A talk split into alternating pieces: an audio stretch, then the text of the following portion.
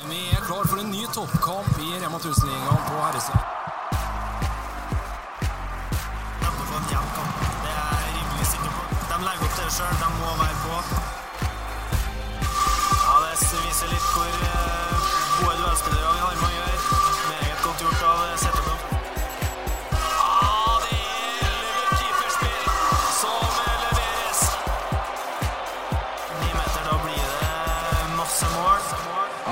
plass med en eh, ny episode i håndballpodkasten Feil sperre. Og vi rykker rett inn i studio Petter, etter kamp to i finalespillet på guttesida Elverum-Kolstad. Elverum har slått tilbake 1-1 i kamper, det, det er kult.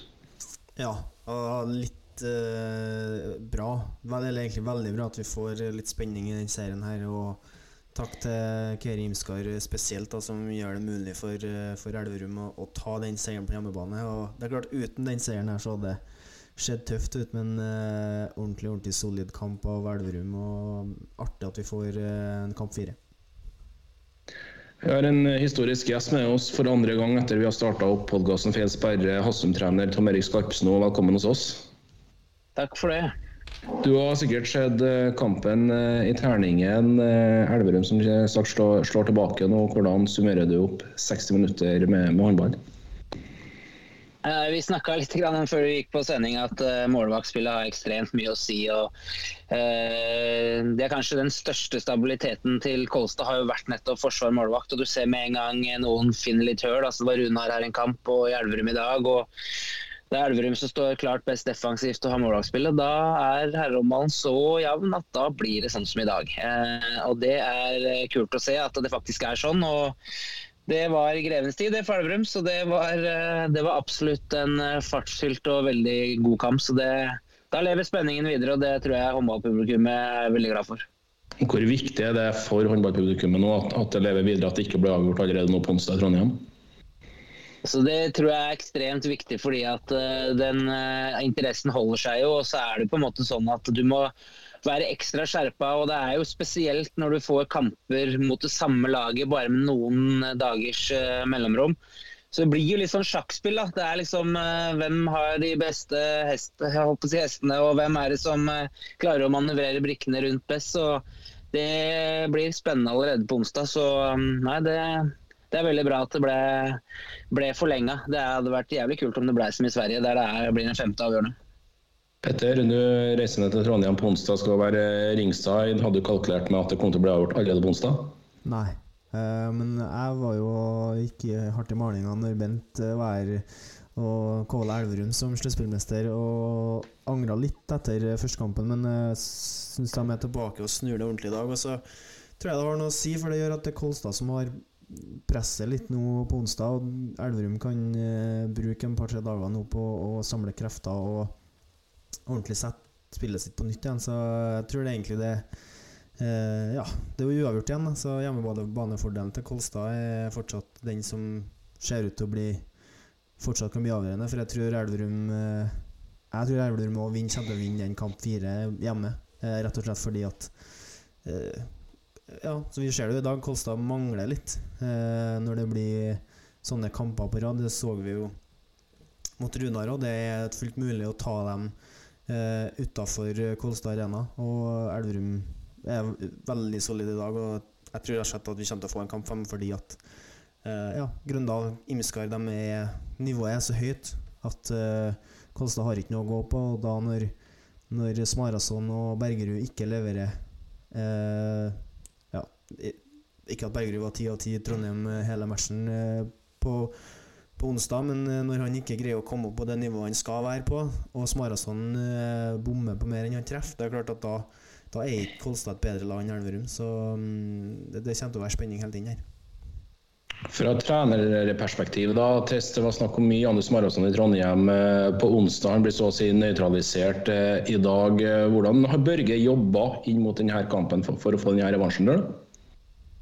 Jeg tror uh, først og fremst at uh, liksom referansepunktene fra første kamp så Du vet som trener at det er noen i sentrallinja som på en måte må treffe. og Det er jo veldig artig å se måten de på en måte holder roen, uh, har trua på, konseptet og sørger for å, å spille sitt spill. og så er det jo ganske fantastisk å se at det er så stor forskjell på Smarason og Grøndal da. Eh, i dag kontra det det var for noen dager siden. så eh, Ingen av lagene har bredere staller enn at de sentrale spillerne må lykkes. Eh, og jeg tror at eh, med roen og erfaringa til Elverum i forhold til sluttspill, så, så kan du på en måte altså jobbe jevnt og trutt og sørge for å, å, optimalisere. Og så er det til syvende og sist spillerne på banen som kommer til å avgjøre det. Men, eh, men all honnør til Børge. og Syns han var rolig og fin både i første kamp og, og i dag også. Så de, de, maler litt på. De vet at uh,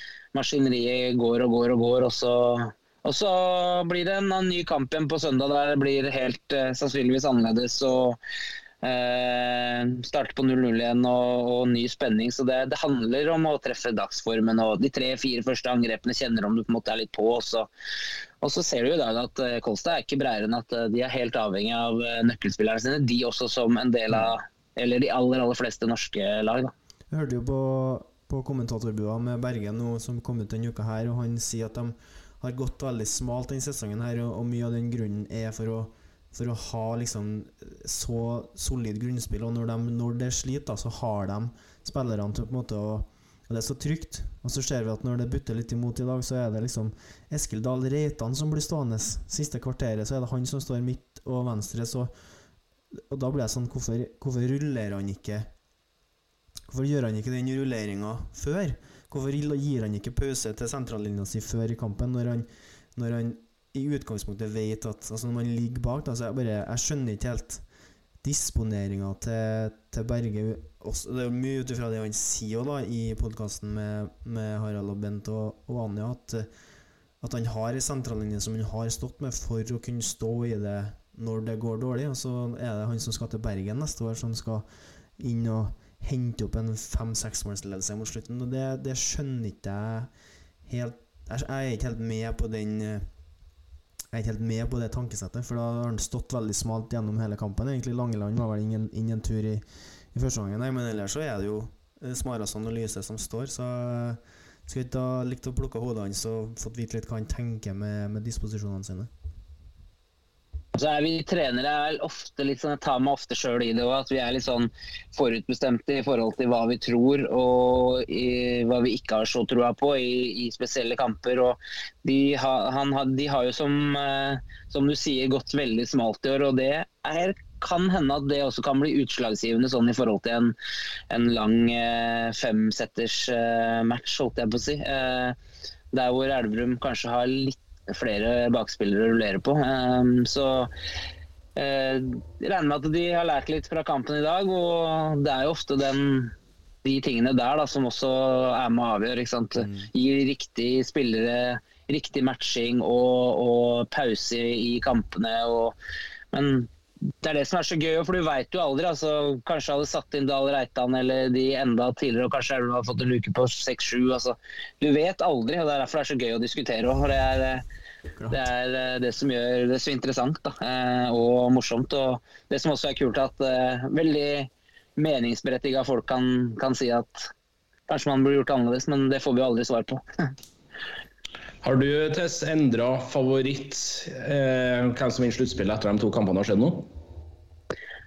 Nei, jeg har ikke det. Eh, og det er fordi at jeg vet at eh, høyestnivået til Bergerud er ekstremt. Og han er eh, stort sett når han er trygg Jeg kjenner jo Torbjørn litt fra tida hos Når han er trygg og kommer i riktig modus, så tror jeg han kommer til å være tunga på vektskåla også i den femsetterskampen der. Eh, og de er jo stort sett utrolig solide med, med midtforsvaret sitt, Gullerud og Aga. og ikke sant, Sigvaldi brenner mye i dag, og de brenner to sjumetere. Det er liksom jeg, jeg, tror fortsatt at, uh, at både hjemmebanefordelen og jeg tror Bergerud blir tunga på vektskåla. Spennende. Eh, litt igjen da, fra trenerperspektiv. Nå er det jo Kolstad som må svare på det, på dette her eh, på onsdag. Eh, Gomo og Berge kommer til å se den kampen her ganske mange ganger, vil jeg tro, opp og ned i mente. Og, og, og den runden her, eh, Hva tror du de kommer til å, å sette en ekstra pekefinger, pekefinger på inn mot onsdag?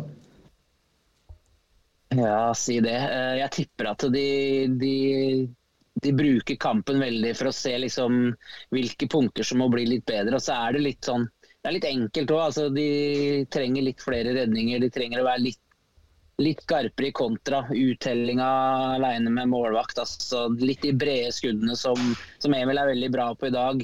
Eh, Sigvaldi brenner litt for mye. Så jeg tror at eh, for å dra en parallell til eh, damelandslaget, så er det litt sånn Vi har plan A.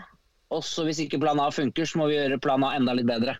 Eh, det er litt sånn som jeg opplever eh, damelandslaget er veldig flinke på. Jeg tror det er litt det samme med Kolstad. Liksom. De har en plan, eh, og jeg er ikke så sikker på Det blir ikke noe sånn Det blir ikke noe 5-1, det blir ikke noe oppvartning på, på uh, Grøndal. Eller, de må bare liksom gjøre sitt spill og gjøre det enda litt skarpere. Uh, og så er det selvfølgelig noen taktiske momenter sånn defensivt uh, osv. i forhold til linjespill. Og, det er det som også gjør det litt ekstra spennende nå med sju mot seks i perioder. det gjør at eh, ting kan bli litt mer sånn uforutsigbart, og du vet aldri helt hva de andre tenker. Så, men eh, få opp forsvarsspillet sitt, eh, få litt flere redninger og ikke minst eh, litt skarpere angrepsspill, så, så, tror jeg liksom det er det de fokuserer mest på. Da. Men det, vi vet ikke. Det var artig å se eh, Vidovic komme inn og for starte den kampen her og er egentlig med å lime sammen det forsvaret hele første omgangen, og, og står òg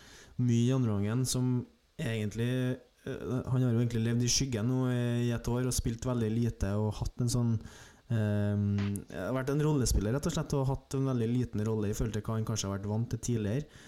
Og det å se han komme inn nå og være med på å nøytralisere midt og venstre da, sammen med Fingren og Ava, det er egentlig hele første gangen, for det er jo det som skjer. De har jo rett og slett bedre kontroll på Smarason og Lyse og Gullerud til tider. Altså de, de, de, setter opp et forsvar som er litt hardere å møte, og det, det vinner de rett og slett på. For de vinner jo, vinner jo med leder med fire eller fem ut i pause der, og det blir jo rett og slett matchavgjørende. Eh, andre gangen er jo på tavla jevnere, men eh, det er artig å se, og så vet man jo at han skal hjem igjen til Arendal, hvis man kan kalle det det. Så eh, artig for han å få lov til å være med inn og bidra og vise at han har et nivå ennå som, som, som, er mer godt nok for eh, Rema 1000-ligaen. Absolutt. og Det som er, litt, som er litt, gøy å se, da, hvis du får ta på meg trenerbrillene igjen, det er liksom de der små detaljene som på en måte avgjør. Du kan stå litt flatere, kan stå litt tettere mot Smarason, fordi de slipper litt utside to. Eh, går jo selvfølgelig ikke oppunder der med Sigvaldi. og klart hadde Setteblom eller noen av de som kommer i de situasjonene satt noen flere av de, så forplanter det seg på en måte litt i, i forsvarsspillet og den biten der. For du må på en måte gi avkall på noe. da, eh, og Veldig tydelig plan på at liksom, ok, utside to i dag, der stoler vi på Imskar. og Det betaler seg. Da kan du stå litt tightere og litt mer kontroll på Gullerud og den biten der. og så, så er det en plan som fungerer veldig bra. Um, så så honnør til Elverum for eh, prestasjonen i dag. Absolutt. Og Vidovic uh, gjør det veldig bra. Og så er du igjen avhengig av Imskar, da. At han treffer på dagen og kan ta dem utside to. At ikke at du får miss på miss fra ja, og Det gjelder jo Adrian Aalberg òg, for så vidt, som brenner en del i dag. Men eh, at du kan tillate deg det når målvakta di treffer. Men treffer ikke målvakta, så må du bre deg litt ut igjen. Og da, klart, da ser kampbildet helt annerledes ut med en gang. Absolutt. Hvis man er tilbake igjen da, til, til Smarason, han så ut som en million nå på onsdag. Han så egentlig ut som en million i cupfinalen mot uh, Elverum i, i Arendal. Og i dag så er det en helt annen utgave av Janus Marason. Eh, noen naturlig forklaring på hvorfor det blir sånn? Altså jeg tror det der handler litt om, litt om både dagsform og ikke minst de der detaljene. Altså kamp, de små kampene i kampen. Eh, der de får litt mer kontroll på han, der de går oppunder, der de slipper på en måte utside to og, og, den biten der. Og så er jo Janus en, en, spiller som er for måte de store anledningene. og Det kan være så enkelt som liksom slipper skuldrene litt ned i dag fordi de har på en måte en seier i lomma og kaller det en kamp å gå på, hvis du skjønner hva jeg mener. De mm. vil jo selvfølgelig vinne, men, men eh, når det virkelig drar seg til igjen eh, nå på onsdag er det vel, så tipper jeg at han er tilbake igjen uh, i, i, det, i, det, slaget. Og som du sier, sett ut som en million dollar i de, de, kampene som har vært veldig viktige. Og nå er det en veldig viktig kamp igjen. Kanskje Elverum kan slippe ned skuldrene litt. Uh, mens Kolstad har måte litt presset på seg. Det er klart, Taper uh, Kolstad nå på hjemmebane, så blir det en ekstremt viktig kamp i terningen uh, i kamp fire. Så det, um, de er helt avhengig av, av stjernene sine. Så jeg håper og tror at uh, han viser seg fra en uh, like god utgave som i cupfinalen og, og sluttspillkamp, uh, eller finale nummer én. Tror du psykologien er så enkel, og at man, at man er At på en måte når de vinner første matchen, så greit egentlig at man slipper seg de prosentene ned, de to-tre prosentene ned, og tenker at vi skal bare gjenskape det vi gjorde, og så, og, så, og så, går det rett og slett ikke, og da er det vanskelig å hente inn igjen i løpet av 60 minutter.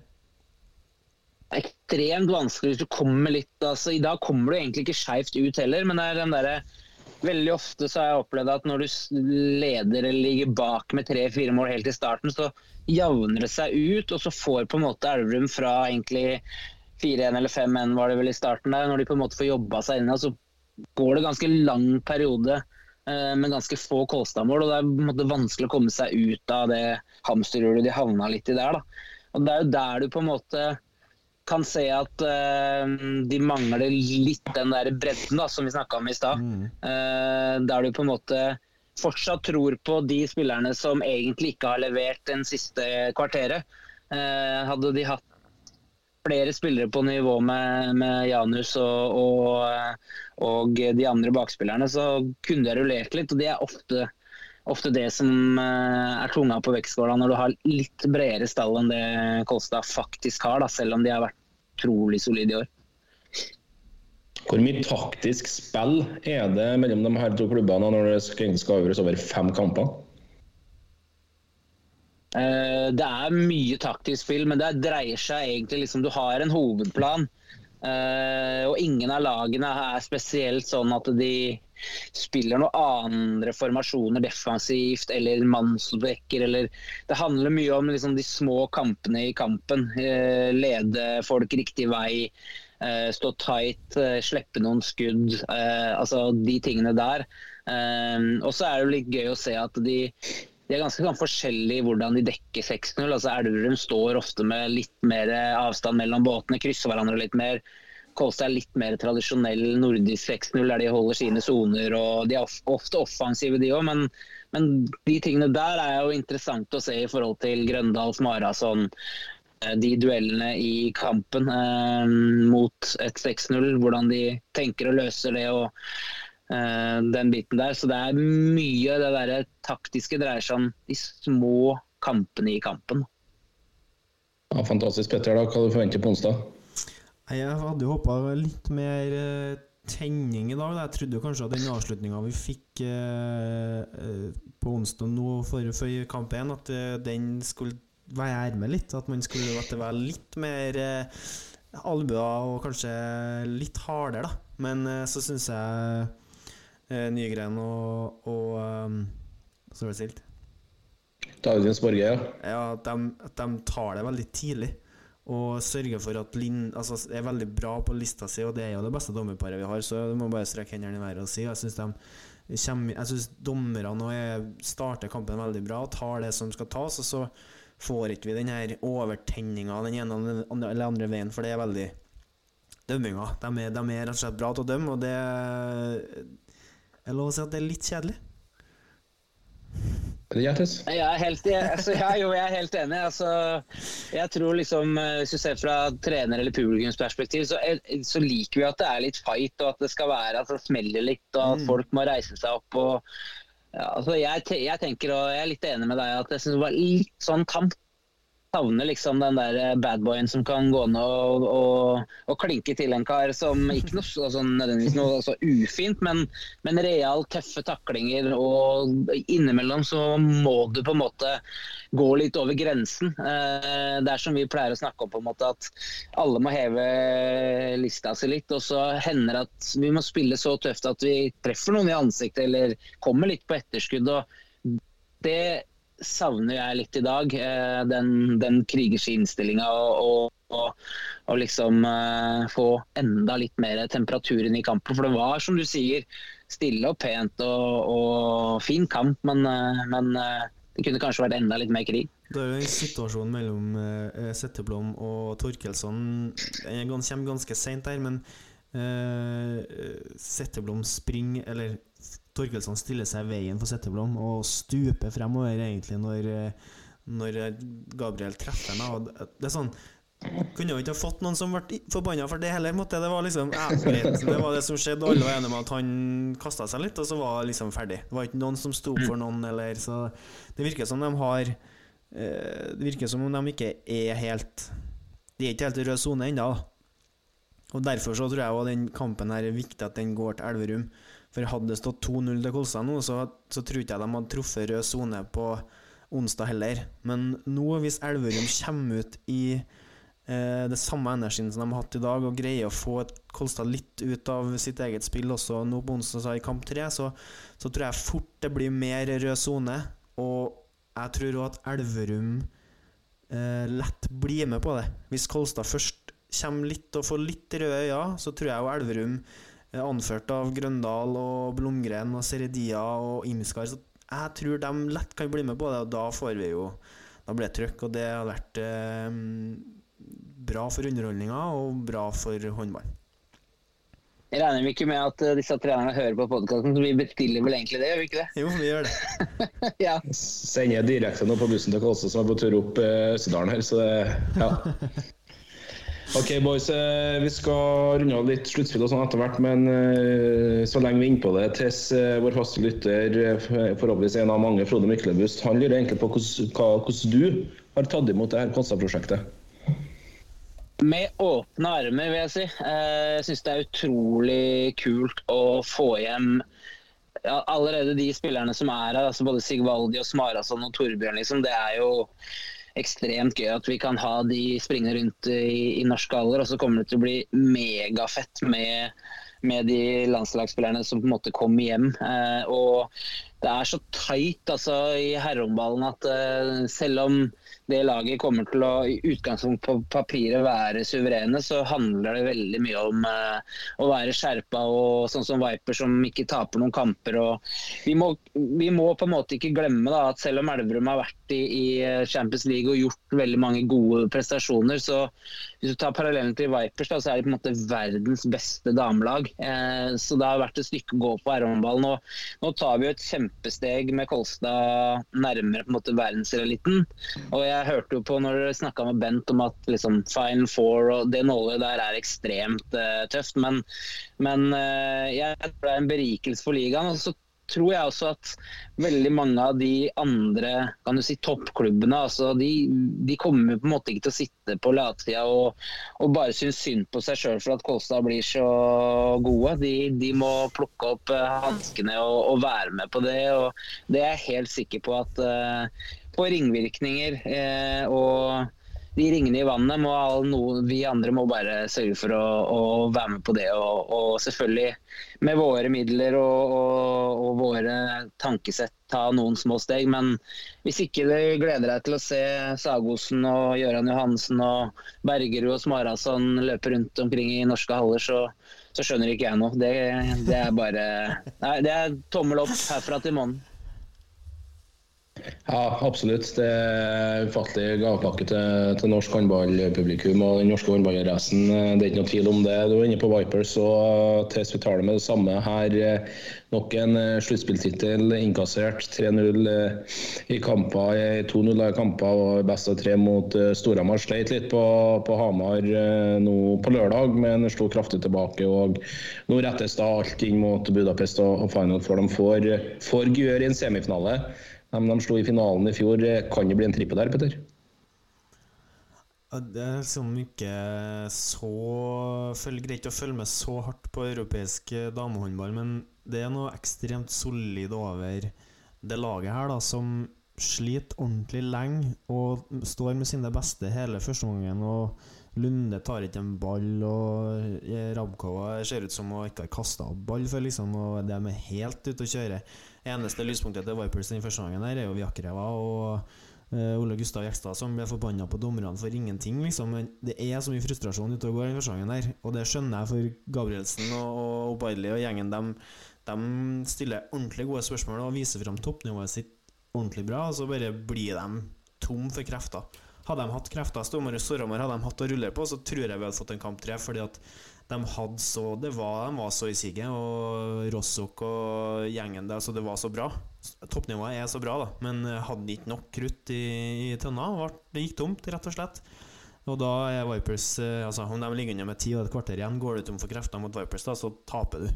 For da har de skåra 15 mål på 10 minutter. Det er liksom Så bra er de. Så nei, men eh, imponerende. En helt annen utgave av eh, alle Altså, Obaidli var jo bra også første matchen, men eh, deilig å se at resten av Storhamar-laget møter opp, og at de faktisk viser at eh, med litt mer eh, flyt inn i et sluttspill og litt mindre skader, uten å ha en hel første sjuer skader, så, så hadde de faktisk kunnet ha gitt oss kamp tre, og det er litt godt å se, for eh, det er jo litt spenning rundt Vipers inn mot neste sesong òg, om de skal De skal jo vedlikeholde og fortsette å ta steg òg, men det, når Jekstad forsvinner, så er det jo lov å håpe at Vipers tar et skritt tilbake og Storhamar ett fram, og at de kan sammen utvikle seg. At vi får to lag som kan være med og slåss i verdenstoppen, for det er det jo håndballspillere til i Norge. Så eh, langt resonnement eh, kort, så gratulerer til Vipers.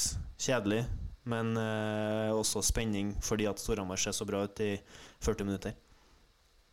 Testa, hvor mye følger du med? Kan du få en trippel fra Ole Gustav Økstad til det han avslutter med når han får reise til Danmark? Jeg må si Det er imponerende av Vipers både den sesongen her, men hvordan de har på en måte møtt an, annen internasjonal motstand. og det er klart Gjør er jo ikke noe walk in the park, men eh, de har vist de siste to årene at eh, de har vært verdens beste klubblag på damesiden. og Det er klart det er en del sentrale ting som skal funke der òg, men eh, jeg vil si at sjansene for nok et uh, Champions League ut til Vipers er ganske bra. Og så er det to andre gode lag og, og um, mange andre norske gode som spiller i Danmark uh, osv. Som, som skal nedkjempes. Så, så det kommer til å bli knalltøft. Men uh, vi, uh, vi håper selvfølgelig at Vipers skal dra hjem med bøtta i år òg. Ja, Det blir utrolig spennende å følge med på den helga i Budapest. og Før vi avslutter på damesida, så er det sin, er det en, sin plikt å opplyse at Henny Reistad har blitt kåret til verdens beste håndballspiller av Håndball Planet denne sesongen. Det er helt praktfullt, og jeg tror heller ikke det blir den siste gangen. For med hennes alder og det nivået hun leverer på sesong etter sesong, så er det bare helt, helt fantastisk. Det er litt rart å komme med sånn kåring før Final Four er ferdig, eller? Skulle tro at når man, sånn som når man kårer årets håndballspiller, at man da vil ha med seg de største kampene. Det er bare Jeg er helt enig. Jeg er helt enig. Jeg er helt enig. Jeg syns det er eh, litt rart, men eh, jeg vet jo ikke helt hvordan de gjør disse kåringene. Jeg følger ikke så nøye med på det, men, men eh, jeg er helt enig i at eh, det er jo kremen som på en måte gjenstår nå, eh, og desserten som skal fortæres. Så det burde kanskje ha vært med i beregninga, for det er jo virkelig da du ser hvem som er verdens beste håndballspiller. Eh, uten forkleinelse for Heidi Reistad, for hun har vært fantastisk. Så det, det er vel fortjent. Men eh, jeg er enig med deg. Kunne godt ha venta til desserten var spist. Og vi ser jo om de høye herrer hører på denne podkasten, så han får ta, ta Vel, men nå, Tess. Nå er det snakk om Haslum og, og ditt prosjekt og den sesongen dere har stått i. Den har vært jævla tøff. Men eh, det ble Rema 1000-liga neste sesong, og først og fremst gratulerer med det. Tusen takk. Det har vært en tøff sesong, men eh, Og vi, eh, vi, har, vi slår oss ikke akkurat på brøstet vi for eh, den prestasjonen vi har gjort. Eh, Vi må bare være glad for at eh, akkurat nå at den muligheten dukka opp, men eh, fortjent var det jo absolutt ikke. Nei. Det er ærlighet varer lengst. Og, men eh, for å ta det siste først, da, de to kampene mot, eh, mot Sandefjord. En Stig Tore Moe Nilsen som dominerer og, og herjer over to kamper. Utover det, hvordan eh, ser du de to kampene fra sidelinja? Eh, Det var veldig mye snakk om hvilken ulempe det var for Haslum at vi ikke hadde kamper på seks uker, og det laget vi skulle møte, som i utgangspunktet vi ikke visste hvem var før eh, eh, 10. mai, faktisk. Eh, Men jeg tror faktisk det var litt vår fordel, at vi fikk alle mann tilbake. Stig Tore fikk trent. Vi fikk stille og rolig forberedt oss eh, til kamp. Vi visste jo ikke hvem vi skulle møte, men konseptet på en måte, det vi jobba med, var først og fremst oss sjøl. Og så tror jeg liksom at eh, Sandefjord med litt skadeplager og eh, tøff kampbelastning helt fram til eh, kvaliken det var til vår fordel. Og så syns jo jeg at de hang bra med i første match. Da, da syns ikke jeg vi var sånn superbra. Da var jo Stig på en måte den store beholdninga. Men, men eh, over to kamper der så var det ganske stor forskjell. og Du kan godt si at Haslum har fått to poeng, men det laget vi mønstrer nå er også litt annerledes enn det eh, vi har hatt gjennom sesongen. Så, så det bildet er nok litt eh, annerledes. Eh, men eh, veldig fornøyd med gjennomføringa av de to kampene, og spesielt eh, siste kamp. Da treffer vi jo godt, og da viser vi at det er en klasse bedre enn en Sandefjord. Hva har dere holdt på med egentlig nå i seks uker? da? Det er jo Jeg syns jo det er på en måte imponerende å komme med en gjeng som er sulten og i form, for det, sesongen avsluttes jo egentlig, og så skal man holde det gående gjennom påske og 17. mai og liksom hele Ikke 17. mai, da, men det er ganske mange Det er mye som skal Du skal holde motivasjonen ved like, og du skal holde folk i gang, da.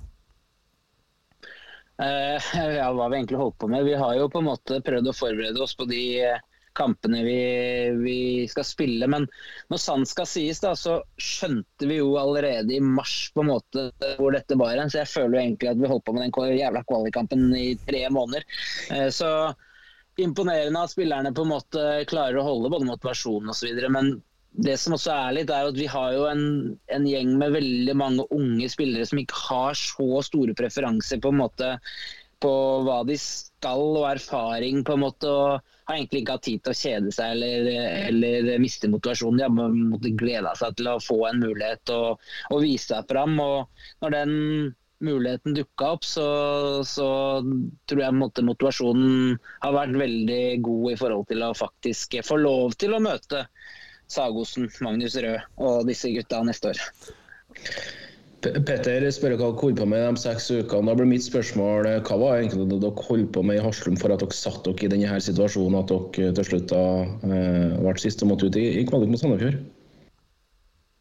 Ja, det er et jævla godt spørsmål. Eh, jeg tror litt sånn vi gikk inn i sesongen, så tror jeg kanskje vi har Vi bomma nok litt på, mm, på forventningene våre sjøl internt. Eh, både i forhold til spillemateriale og hvilke spillere vi hadde tilgjengelig. og eh, Veldig ungt pågangsmot, men det er klart at når du havner litt inn i den situasjonen der du egentlig gjør en del OK prestasjoner, men kårer litt til eh, de siste ti minuttene i veldig mange kamper. For jeg har jo egentlig spilt bra mot Runar, god mot Elverum, men det er litt sånn mager trøst når du liksom hver gang havner med en, et hederlig tre-fire-femmålstap mot uh, gode lag.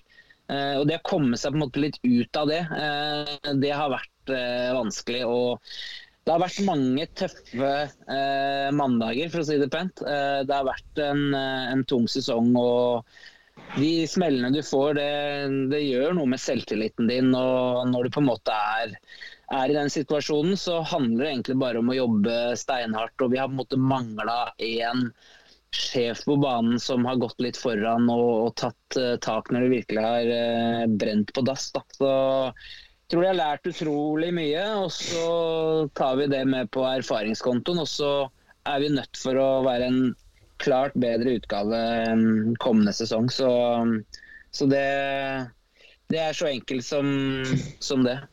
Det er jo litt det samme Heine Jensen snakker om òg, liksom, når vi spør han hva er Du har jo et vanvittig lag på papiret, hvorfor, eh, hvorfor går det så dårlig?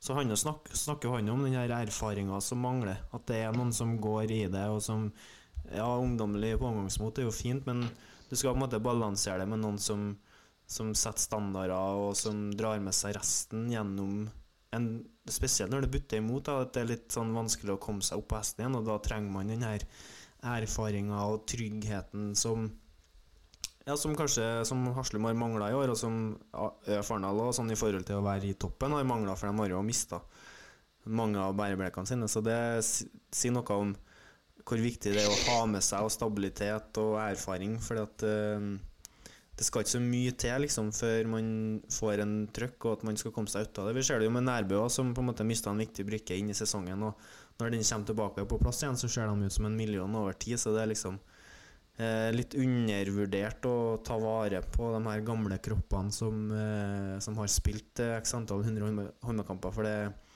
det, gir utslag på tabellen, eh, fordi kampen avgjøres de siste ti minuttene, og da er det som oftest dem som er best. Og så er det litt sånn at så Selv om man kanskje liksom taper med en fem-seks mål osv., virker som at motstanderne er liksom klart bedre liksom over tid. Men det er så ekstremt små detaljer som, som er med på å avgjøre det. Altså, uh, når du ser vi får inn Stig Tore som gjør en fantastisk eh, kvalikrunde så blir det litt mer rom. Det blir litt bedre arbeidsvilkår for linjespiller, og da ser plutselig Lars Lund veldig mye bedre ut. Eh, og så får Langerud en veldig god start i den eh, siste kampen. Uh, og igjen, Vi snakka om Bergerud i stad, på en måte, men hadde vi hatt et mhm. stabilt, godt forsvar målvaktspill gjennom sesongen, som vi dessverre ikke har hatt, uh, så hadde det sett annerledes ut. Men de marginene for å få til det er ekstremt små. Eh, og det lærer man seg når man har vært trener i veldig mange år. men og det å på en måte klare å snu eh, hver eneste lille stein for å få til det, det har vi ikke vært gode nok til. og Det må vi bare se oss sjøl i speilet på, både trenere, spillere og, og laget. på at Der har vi ikke levert eh, godt nok i år. Økonomi oppi der er da Tess, hvor store konsekvenser har det ville fått for dere hvis det har blitt førstevisjonsspill neste år? Eh, det er vanskelig å si, men, eh, men, eh, det er klart at det er veldig mye enklere å bygge opp noe nå igjen. Når vi på en måte vet at vi skal spille i, i, i ligaen. Én ting er jo på en måte økonomi, men det er klart at vi har jo hatt også kontrakter på ca. 70-80 av spillerne som det er både klubb og spiller kan si opp avtalen med eventuelt nedrykk. Så vi hadde vært veldig eh, eh, Eller veldig stort spørsmålstegn hvordan vi faktisk hadde sett ut neste år hvis 70% av spillerne hadde blitt borte. og når du står da liksom nærmere 1.6 og skal bygge et lag, da, så, så, både det og økonomi det er veldig uforutsigbart. Men vi har trua på det konseptet vi har. Og, og vi håper at, at, vi skal kunne klare å bygge opp ikke bare det sportslige, men også klubben igjen på en klart bedre måte enn det som har vært de par siste årene. Hvordan uh, bruker dere sommeren nå da på å komme tilbake neste år og være en helt annen utgave enn det dere har vært store deler av året? Uh, først og fremst så tror jeg det handler om at uh, vi må gjøre en del av guttene til mannfolk. Altså De må få trent ordentlig bra fysisk. Og det vet vi at det er jo ikke gjort over natta. Uh, og det, det, ser vi på en måte at liksom, antall stilo og den biten der, og duellstyrke og sånne ting, det kommer til å bli ekstremt, uh, ekstremt viktig for å heve nivået. Og så skal vi heller ikke på en måte kimse av at når du som 17-, 18-, 19-, 20-, 21-åringer får spille så mye som du har gjort i år, og får mange preferanser, så vil det automatisk være en god utvikling på det. Eh, og så handler det egentlig om å sy sammen det mannskapet eh, vi har på en bedre måte. og jeg tror på en måte med Nicolai Wiig inn, som gjennom de siste par sesongene har gjort gode, gode prestasjoner, spesielt liksom god på distanseskudd og sånne ting som gjør at man kan tighte forsvaret litt osv., vil gjøre noen eh, Eller vil ha en effekt da, på hvordan vi, vi ser ut. Og så er jeg ganske sikker på at sånn som Sverre Ottesen, som har vært veldig bra egentlig eh, fra november og ut, eh, litt ujevnt, men på sitt beste, eh, veldig bra. Så jeg tror at vi har et mannskap som, eh, som kommer til å, å, se bedre ut. og til spørsmålet ditt, hva gjør vi i sommer? Vi skal trene knallhardt og vi skal, eh, vi skal sørge for at vi i hvert fall ikke ligger bak der eh, når sesongen drar i gang i, i september. Altså, Langerud, skal, skal, han bort, eller blir han værende? Langerud har på kontrakt med Wisla Plokk, så, så, han skal uh, ned og bruke noen, uh, noen, uh, noen redninger der nede neste år. Hvor kan vi vite i forlengelsen av det, Martin Hovde reiser til Trondheim og Kolstad. Hvor eh, stort er det for dere å, å få sende en så talentfull linjespiller opp, opp dit? Uh, vi ser vel ikke helt sånn på det, på en måte, men uh, jeg, han er en fantastisk fin gutt og ekstremt treningsmotivert. Og har egentlig lært ekstremt mye de siste to sesongene og vært veldig viktig for oss i Midtforsvaret. Og, uh, han er nok ikke liksom på Kolstad-nivå enda, men jeg skjønner at det å få lov til å, å, utvikle seg og trene med de spillerne som Kolstad har, eh, frister. Eh, og så er jeg jo selvfølgelig litt spent på hvilket nivå han har inne. Men, men putter du han mellom eh, Gullerud og et par andre gode, så kommer han til å stå glimrende defensivt. Og så er jeg jo litt spent på å se, hvis eh, Kolstad skal ut i Champions League osv., hvor mye spilletid det blir. Og så vil jeg jo tro at en del av de nasjonale kampene så må liksom de nest beste ta en del av eh, belastninga. Så det tror jeg kommer til å bli bra. og Det er jo gøy at vi har så spennende spillere at eh, det er interessante prospekter for sånne prosjekter også. Definitivt litt uh, om troppssammensetninga i Haslum neste år. Det er sikkert ikke helt spikra, men uh, hva er dere jakter nå inn mot, uh, mot neste sesong? Vi har jo et par sånne us usikkerhetsmomenter. og Det er klart at det har ikke vært sånn superenkelt å tenke spillelogistikk når du én, ikke vet om du i hele tatt har mer enn fire-fem mann eh, som er sikre på kontrakt. Eh, og det er ikke sånn superenkelt eh, å selge prosjektet Haslum når du ikke vet hvor du skal spille. Så det er klart at uh, På målvaktsiden så står vi PT med Nicolai Wiik og selvfølgelig et av de største talentene i Norge i 06. Men det er klart at det er knalltøft. Men igjen, vi har jo en litt sånn annen approach til Eh, hvordan vi bygger lag. Altså for vår del så er det ikke liksom så avgjørende om vi på en måte er nummer ni eller seks eller vi ønsker selvfølgelig ikke å spille kvalik, det er ikke det jeg sier. Men, men uh, vi har veldig mye ungt talent som kommer til å bli veldig bra. Og så handler det om å klare det kunststykket å tenke nåtid, altså skape resultater. Men samtidig også liksom, hvordan skal Haslum se ut om én sesong, to sesonger. og vi har veldig troa på at mange av de spillerne kommer til å bli veldig bra. Jeg er helt sikker på at en del av de spillerne vi har i troppen vår nå, som er unge riktignok, men en vakker dag så er det noen av de vi ser rundt med det norske flagget på brystet. Og, og det, det, skal være litt vårt DNA.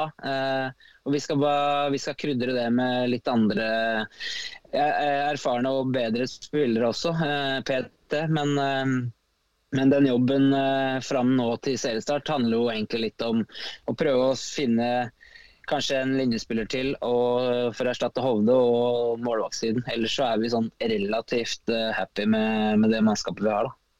Leter dere eh, nasjonalt, eller er dere utenfor uh, norskegrensa? Eh, egentlig begge deler. Eh, vi har vært litt i dialog med litt agenter og, og, og sjekke litt markedet. Jeg kjenner jo folk både i Danmark og i Sverige som kan, kan hjelpe oss litt med det. Så det handler egentlig ikke om uh, hvilken farge det er på passet, det handler om type og hvem, hvordan person det er. og ikke minst mennesketype som skal passe inn i det kollektivet som vi har neste år. Så, så vi ser litt, litt overalt. Spennende. Eh, du nevner det jo, du kjenner jo mange til og du har jo vært i Danmark sjøl. Men eh, for en som på en måte ikke er helt inni det her, da, med tanke på når dere kontakter agenter, jeg kan jo fortelle litt om prosessen fra første kontakt med agent til du eventuelt har en spiller i Nadderud Arena? Eh, veldig ofte så er det jo sånn at uh, vi blir jo på en måte som trenere og klubber så blir jo vi stort sett kontaktet av agenter som det er jo måten de tjener penger på, er jo mer altså transfer-bilde osv. Men, men eh, i mitt eh, eller vårt vedkommende så er det ofte sånn at liksom vi vi har jo sånn som Sander Øverud som skal til Haslum, eh, har god koll på, på en måte danske spillere, vet mye om situasjonen der. Og så handler det egentlig om en måte, eh, da kontakte de aktuelle og, og eh, høre hvordan situasjonen er. Og så er det jo vi er jo ikke alene på markedet, så det, det, er mange som fighter om de samme fiskene i havet. Så det handler på en måte litt om det å uh, selge den klubben og hvordan, hvordan tingene ser ut uh, oppe på Bjerget, som det heter i Danmark. Uh, og, og, presentere hvordan vi tenker. Og så er det ofte spillere som, som har levert eh, sånn middels, kan du si, kanskje for sin klubb eh, i Danmark, da, som har litt høyere nivå enn det vi har. Eh, som kanskje er på jakt etter noe mer spilletid.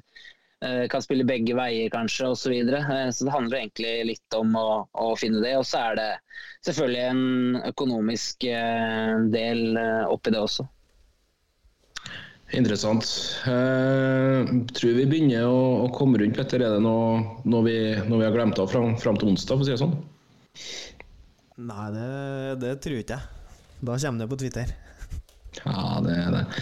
Testa litt sånn avslutningsvis. Eh, hva er det eh, norske folk på en måte må ja, ha klart for seg til neste sesong i, i, i Håndball-Norge? Hvorfor må de komme, finne, finne seg en hall, for å si det sånn?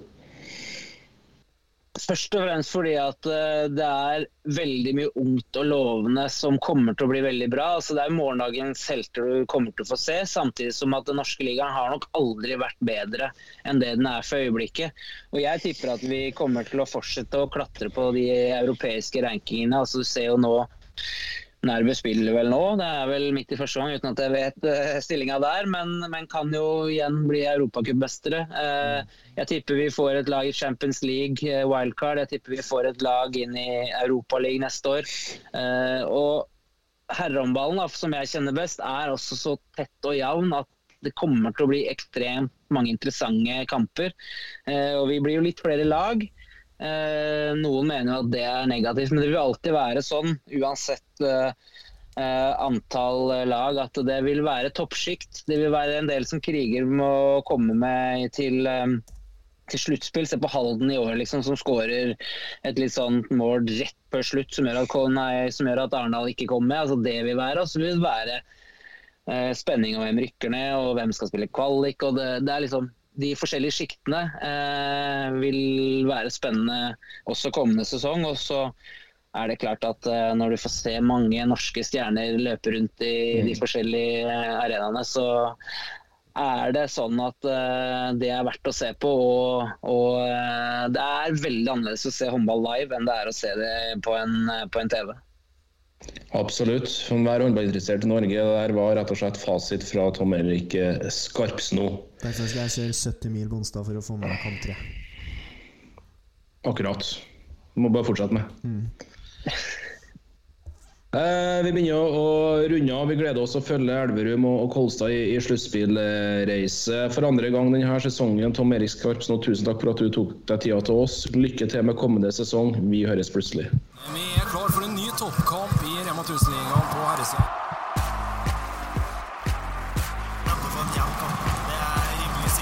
De legger opp til det sjøl, de må være på. Ja, Det viser litt hvor